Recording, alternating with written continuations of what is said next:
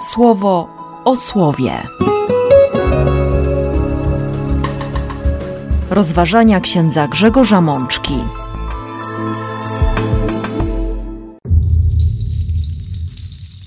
Niedziela Najświętszej Trójcy, rok B. Z Księgi Powtórzonego Prawa.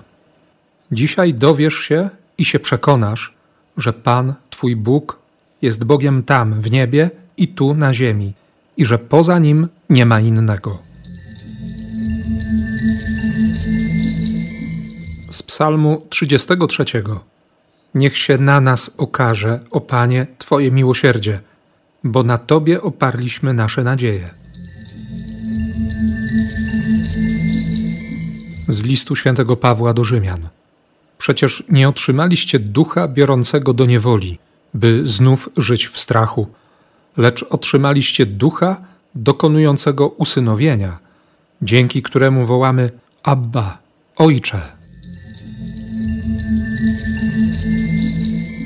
Z Ewangelii według świętego Mateusza. Idźcie zatem i uczyńcie uczniami wszystkie narody, udzielając im chrztu w imię Ojca i Syna i Ducha Świętego. Siostry i bracia, niedziela Najświętszej Trójcy, uroczystość Najświętszej Trójcy stawia przed nami nie lada wyzwanie. Jesteśmy zaproszeni do tego, by zmierzyć się w pewien sposób z tajemnicą, której nie jesteśmy w stanie objąć rozumem, ogarnąć naszym pojmowaniem, a jednak ten Bóg, który objawił nam te tajemnice, tajemnice swojego istnienia, zaprasza, byśmy nad tą tajemnicą przez moment dzisiaj się zatrzymali, pochylili, po prostu weszli w tę tajemnicę. Weszli w tajemnicę miłości Ojca, Syna i Ducha Świętego. Nie chciałbym tutaj odwoływać się do historii rozpoznawania tego dogmatu, w jaki sposób Kościół go rozumiał, przyjmował, do czego zachęcał najpierw kapłanów, a potem wszystkich wiernych, bo akurat specjalistą w naszej diecezji z tej dziedziny, trinitologii, nauki o Trójcy Świętej jest ksiądz biskup senior Teofil Wilski. Natomiast Bóg daje nam dzisiaj w Kościele, i to jest dla nas bardzo ważne, cztery słowa. Nie trzy, ale cztery słowa, jak w każdą uroczystość, jak w każdą niedzielę, żebyśmy choć trochę odsłonili rąbka tajemnicy i przyjrzeli się tej miłości, którą jest nasz Bóg jedyny w Trójcy. Najpierw liturgia Kościoła prowadzi nas na pustynię i przyglądamy się Mojżeszowi, który rozmawiał z Bogiem i teraz opowiada Izraelowi w czwartym rozdziale Księgi Powtórzonego Prawa. Właściwie próbuje przekonać Izraelitów, przypomnieć im, że ten Bóg, który wyprowadził ich z Egiptu, naprawdę chce być ich Bogiem. Że tu chodzi o coś więcej niż cuda, niż prezentację siły. Tu chodzi o miłość. Bardzo Was zachęcam do tego, abyście zajrzeli sami, drogie siostry, drodzy bracia, do Księgi Powtórzonego Prawa i przeczytali nie tylko te wersety czwartego rozdziału, które usłyszymy w liturgii, czyli 32, 33, 34, a potem 39 i 40, ale byśmy zaczęli lekturę tego pierwszego czytania od wersetu 31.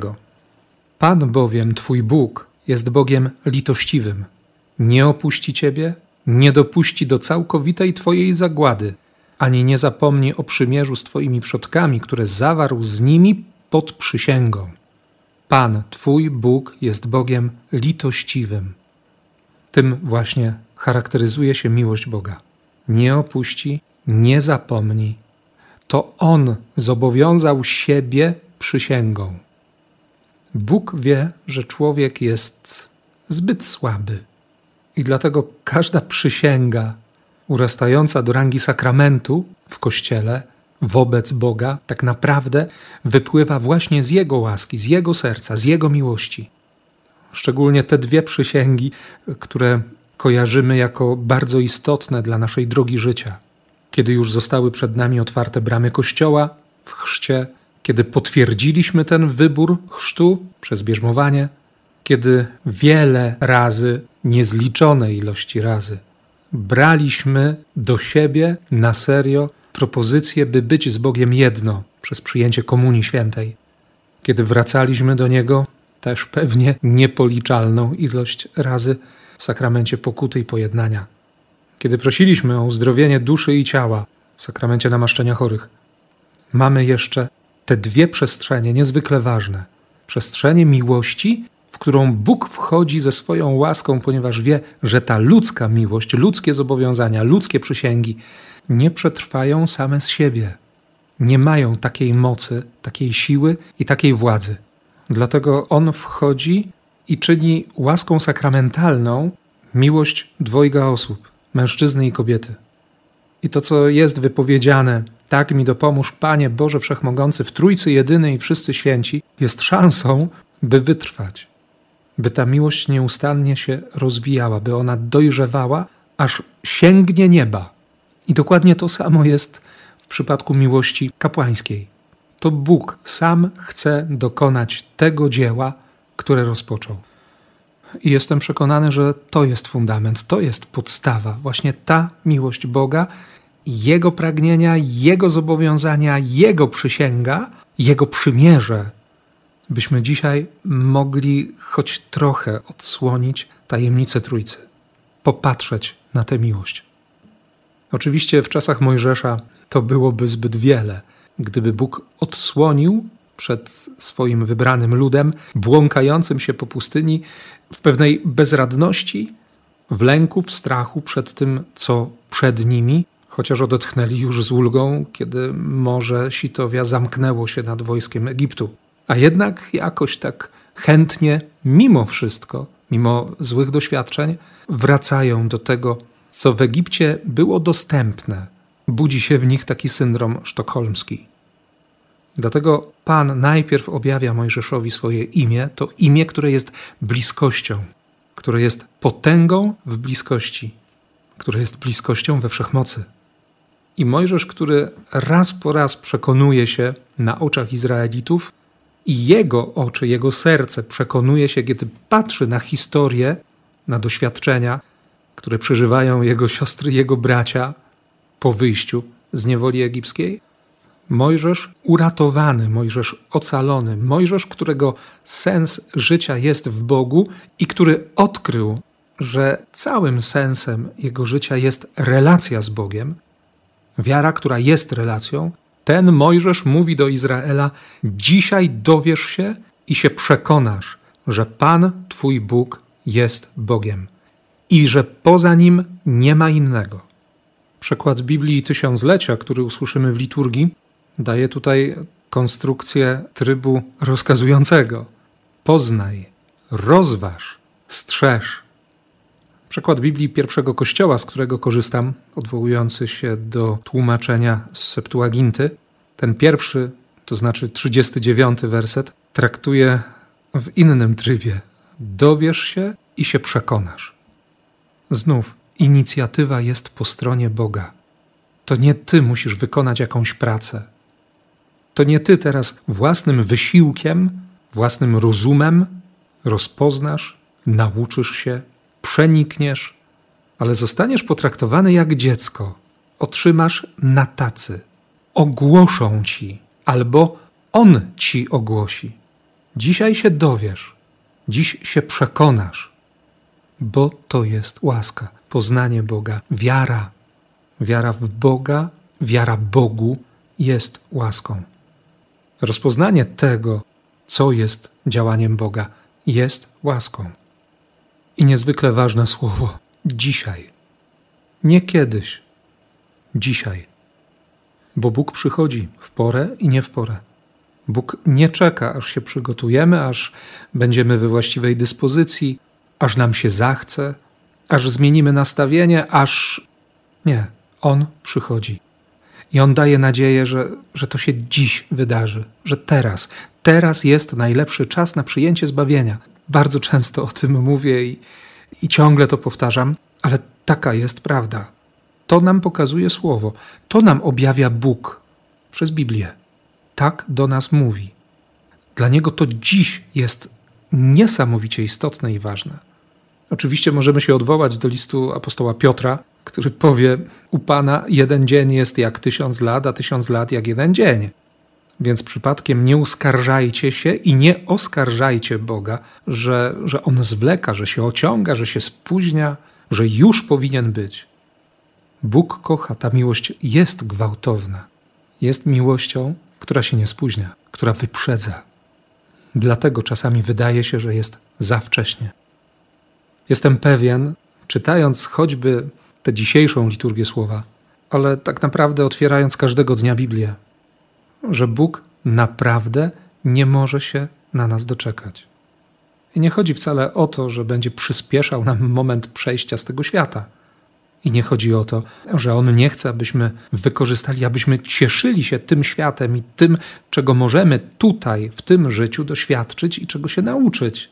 Jak rozpoznać miłość, jak, jak ucieszyć się darem z siebie, życiem, które jest darem nam ofiarowanym i jednocześnie zobowiązaniem, zaproszeniem do tego, byśmy swoje życie ofiarowali dla innych, dla sióstr i braci, dla zbawienia świata.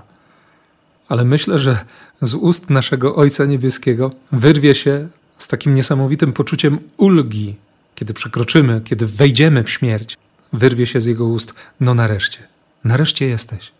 Czekałem, nie mogłem się doczekać. Taka jest miłość.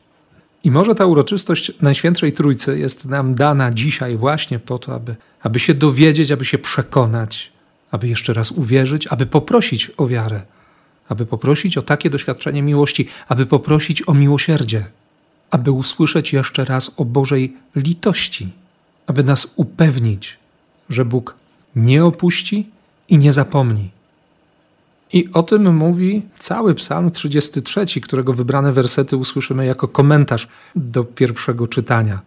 Psalm, który opowiada o Bogu, o Jego dziełach, o Jego miłosierdziu. I w ostatnim wersecie, zupełnie na końcu, to jest werset 22, pojawia się prośba. Niech się na nas okaże, o Panie, Twoje miłosierdzie. Na Tobie oparliśmy nasze nadzieje. Wiemy dobrze, że, że słowo miłosierdzie pochodzi i ma w rdzeniu określenie łona matki. Miłosierdzie jest zrodzeniem na nowo, jest daniem życia komuś, kto na to nie zasługuje, bo, bo po to jest miłosierdzie. Okazać miłość komuś, kto na nią nie zasługuje. Przecież dziecko niczym nie zasłużyło sobie na to, żeby matka je kochała i nosiła w swoim łonie żeby doświadczyła takiego bólu, wydając to dziecko na świat. Ono niczym sobie nie zasłużyło. To dziecko również niczym sobie nie zasłużyło na to, żeby, żeby łono matki to najbezpieczniejsze, chciałoby się wierzyć i rzec, miejsce na ziemi stało się dla niego przestrzenią, w której doświadczy śmierci. Ale wiemy, że, że doświadczenie miłosierdzia to jest doświadczenie ofiarowania życia.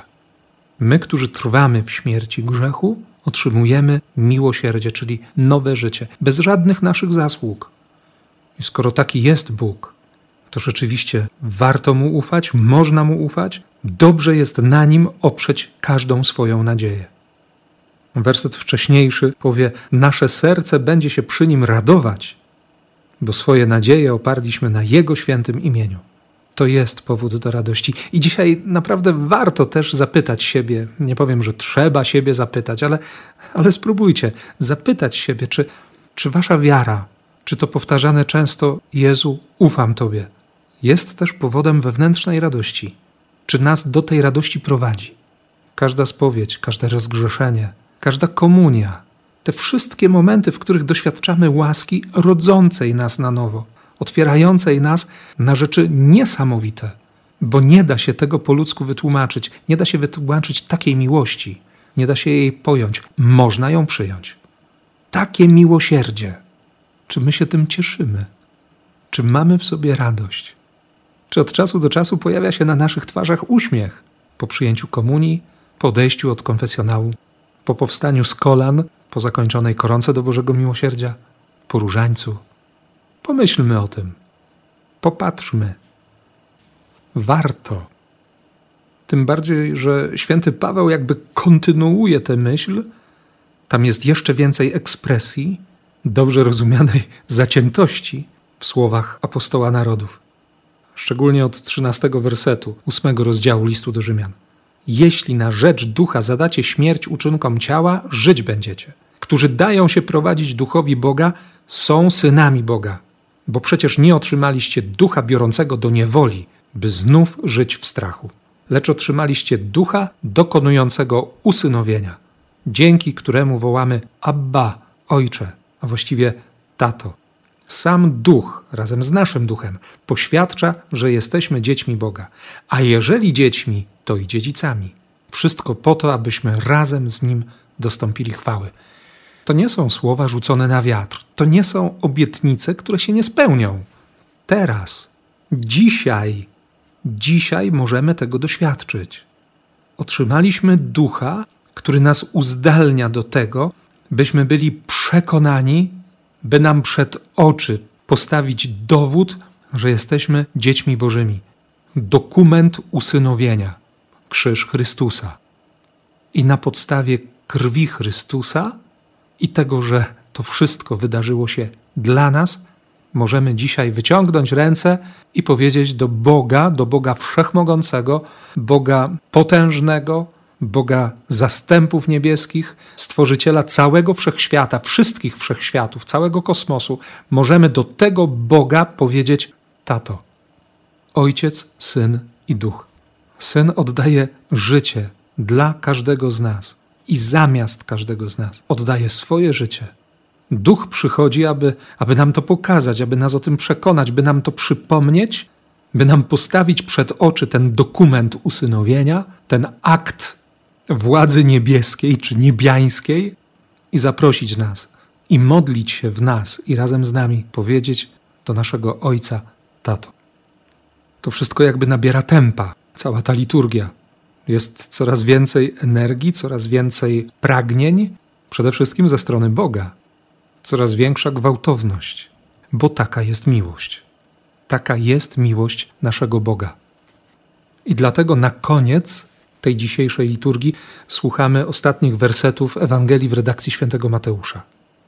I warto zwrócić uwagę na całą scenerię, ale przede wszystkim na uczniów, o których ewangelista Mateusz no, najwyraźniej tam był, jako apostoł, jako jeden z dwunastu, więc wie, co napisał, bo był świadkiem.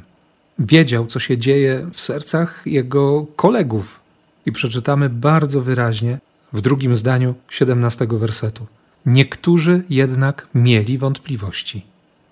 Oczywiście w konstrukcji tego 28 rozdziału całej Ewangelii nie przeczytamy o spektakularnych objawieniach Jezusa zmartwychwstałego, o jakimś czasie, który mieli apostołowie, by się jakoś zapoznać z całą tą sytuacją, przekonać siebie nawzajem, okrzepnąć w tej wiedzy, ponieważ wydaje się, że, że dopiero co usłyszeli od kobiet, że mają iść do Galilei, bo tam zobaczą Jezusa. Uwierzyli.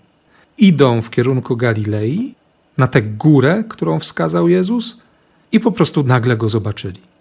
Tak jakby przyszedł trochę za wcześnie. Nie zdążyli się przygotować. Nie umocnili się w wierze. Nie stworzyli tych odpowiednich warunków.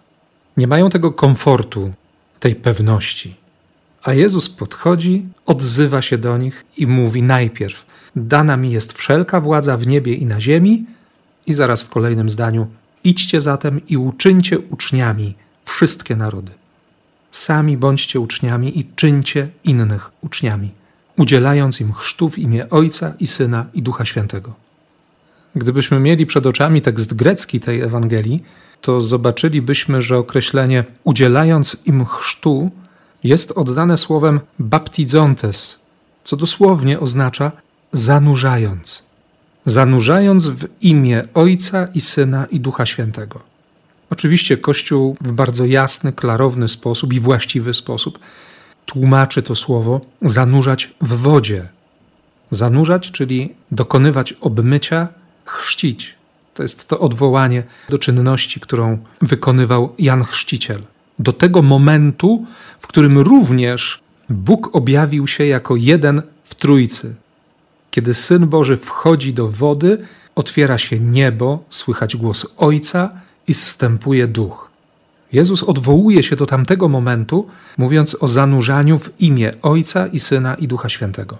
Ale wiemy też, drogie siostry, drodzy bracia, że to zanurzenie może się dokonać jeszcze na inne sposoby i o tym mówi nam Kościół. To może być chrzest pragnienia, może być chrzest krwi. Bóg naprawdę otwiera przed człowiekiem, przed światem niesamowicie dużo możliwości, abyśmy przyjęli Jego łaskę, aby każdego z nas zaprosić do jedności ze sobą. Zanurzyć w imieniu Ojca, Syna i Ducha Świętego. Zanurzyć w miłości, bo miłość jest również imieniem Boga. Święty Jan napisze wyraźnie: Bóg jest miłością. I oczywiście nie chodzi o ludzką miłość, czy o nasze pojęcie miłości, często bardzo ubogie, bo niestety wielu z nas miłość rozumie absolutnie opacznie. Ale przez to, co mówi Jezus, jesteśmy zaproszeni, by odkrywać, by się przekonywać, by się uczyć, by nigdy nie wyjść ze szkoły Jezusa. Uczyńcie uczniami wszystkie narody. To jest konkretne, poważne, spore zadanie i trzeba naprawdę zakasać rękawy.